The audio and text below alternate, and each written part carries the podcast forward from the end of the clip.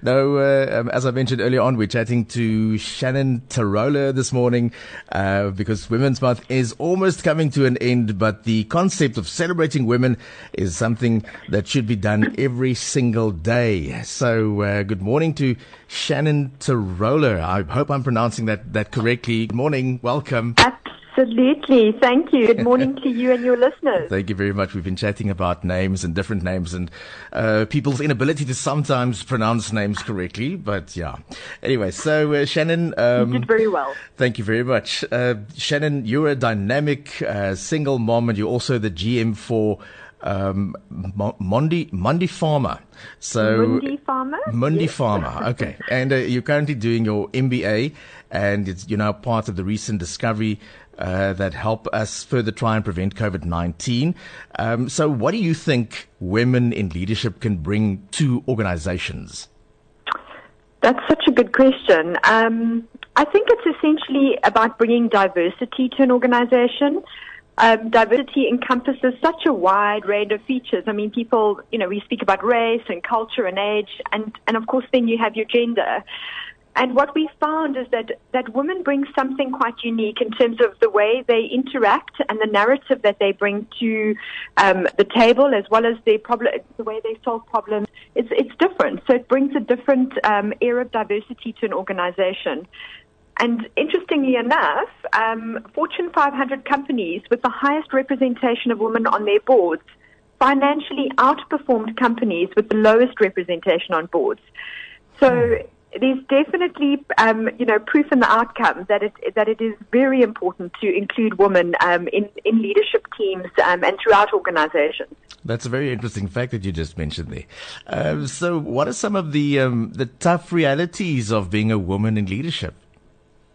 Golly, I would have to say um, the one, the predominant one is overcoming stereotypes and and cultural beliefs that women's roles should be limited. Um, I belong to a multi a, a multinational company, so we've got uh, a presence in 88 countries around the world, and and obviously you know uh, one gets to see all those different stereotypes, um, and and I work within that.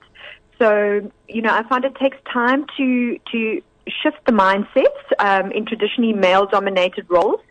So that they see the value behind the difference that women can bring to a business from a number of standpoints. As I mentioned earlier, you know, their approach to managing, um, the very viewpoint they have to offer, the narrative in terms, uh, you know, how they participate in a conversation and in, in um, inter um, communication relationships.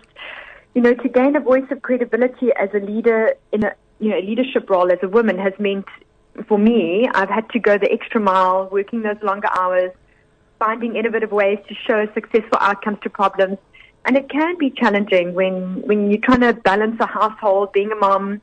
Um, but but I have to say, the good news is that mindsets are changing, and I am genuinely seeing a desire to have the agenda of women empowerment in business um, pursued. So it, it needs to form part of an organization's cultural DNA. Mm-hmm. It's uh, you're listening to Radio Tygerberg 104 FM. We're chatting to Shannon uh, Tarola. She's a dy- uh, dynamic single mom and also the GM for Mundipharma, and she's currently doing her MBA, and she's now part of the recent discovery that can help us further try and prevent COVID-19. So tell us more about this recent discovery uh, around betadine and COVID-19, please. Well, I, I, suppose for us um, in, in, in, at Mundipharma, uh, we, we are the originators of Betadine as a brand, so it was no real surprise for us, I guess, but, but, but perhaps for the public. Um, you know, Betadine, um, mouthwash and gargle, and all its various products, whether it's ointment or solution or scrub, has been used widely over the last 60 years to combat viruses, bacteria, and fungi. Um, and we've played such an important role in all all the outbreaks that have that have kind of hit the headlines, if I could put it put it that way, whether it be SARS or MERS and even Ebola virus, we were involved in in um, in, in combating.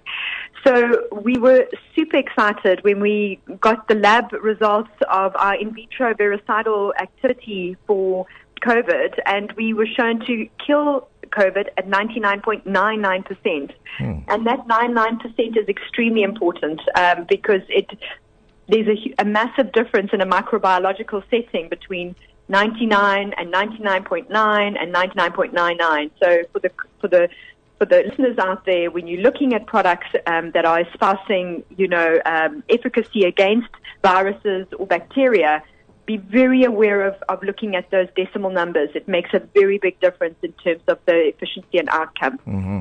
So I, yes. I, yeah, I actually went to uh, to the dentist a couple of weeks ago, and before we they started, they made me um, uh, gargle, rinse my mouth out with with betadine. So, That's right. Yeah, that's uh, it's very important. It's very effective.